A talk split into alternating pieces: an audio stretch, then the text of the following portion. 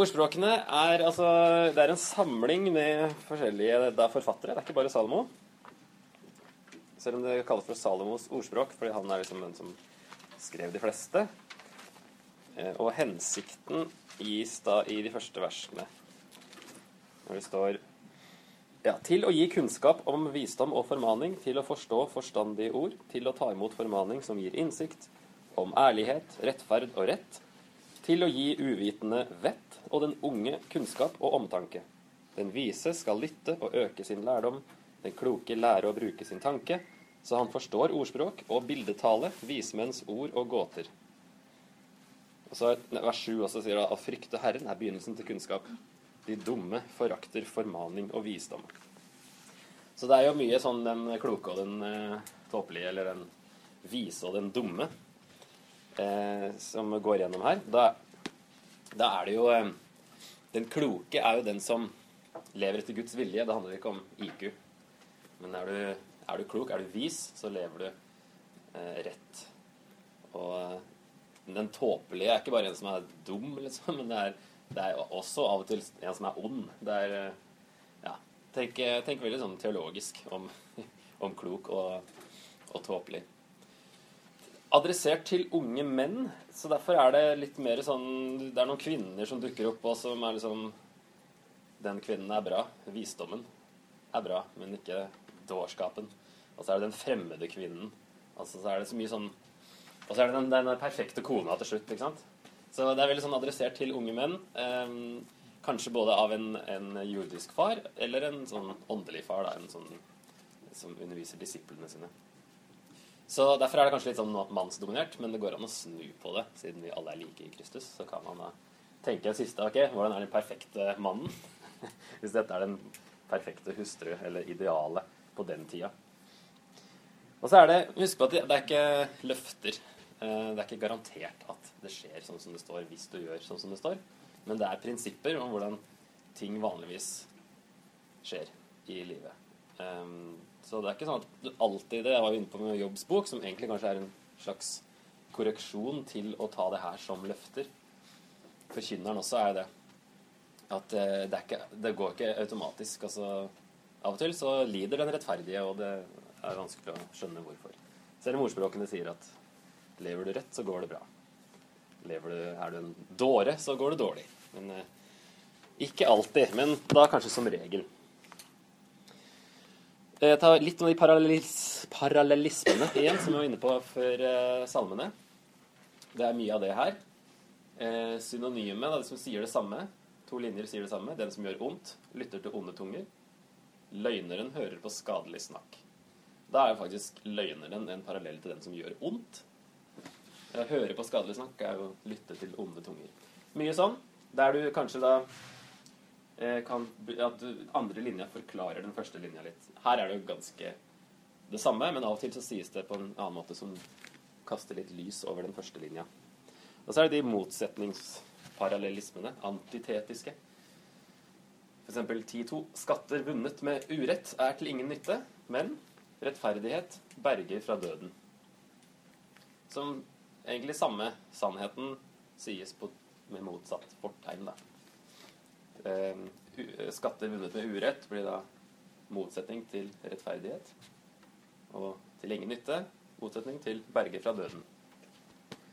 De forskjellige forfatterne, da. Det står at eh, det er en slags introduksjon, kapittel 1 til 9, som Salomo da er forfatter av. Eh, og det er, den, det er annerledes enn resten. Vi er vant til de der korte ordspråkene, men de første ni kapitlene er lengre avsnitt. Det henger mye mer sammen. Resten skal leses i lys av den introduksjonen. Eh, og der er det de to kvinnene som eh, snakkes om da, visdommen og dårskapen.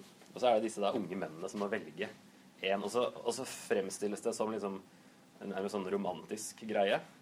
Liksom, er det visdommen? Er det den kvinnen du velger, eller er det dårskapen? Eh, og så ender det i kapittel 9 med et valg, eller da settes de veldig opp i parallell, de to. Begge bor på det høyeste punktet i byen, står det. Og der sto jo alltid templene på det høyeste punktet. Så det kan være bare at de representerer at visdommen representerer eh, Gud og Guds visdom. Og så dårskapen er det andre guder og deres visdom, eller det vi kan tilby. Sånn at eh, det handler om at de må eh, søke Guds visdom, da. Eh, og det gjør at resten, selv om mye av det her høres veldig praktisk ut, så, så blir det liksom gjort teologisk av den introduksjonen.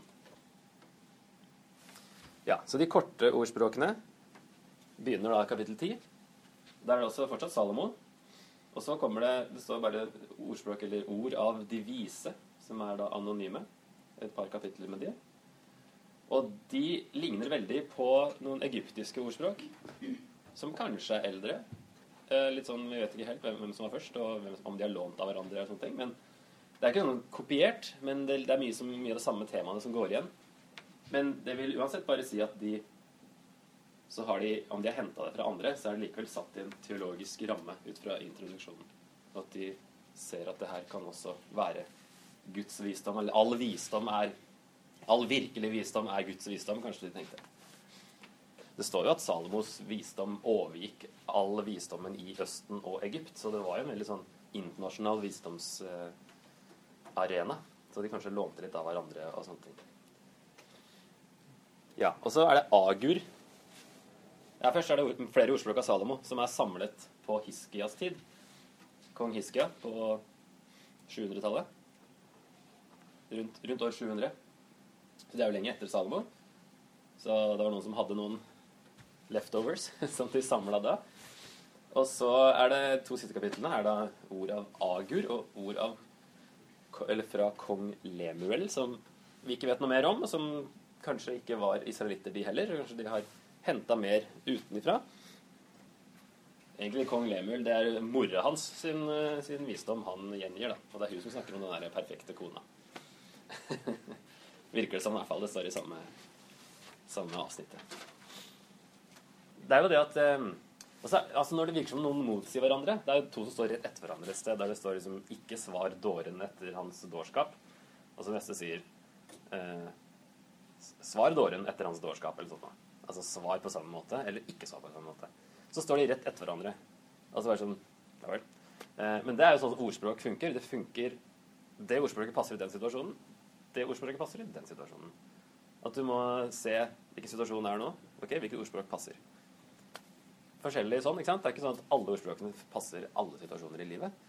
Men du må liksom se ok, den dåren der trenger å bli svart på den måten. Og den trenger en annet svar, kanskje.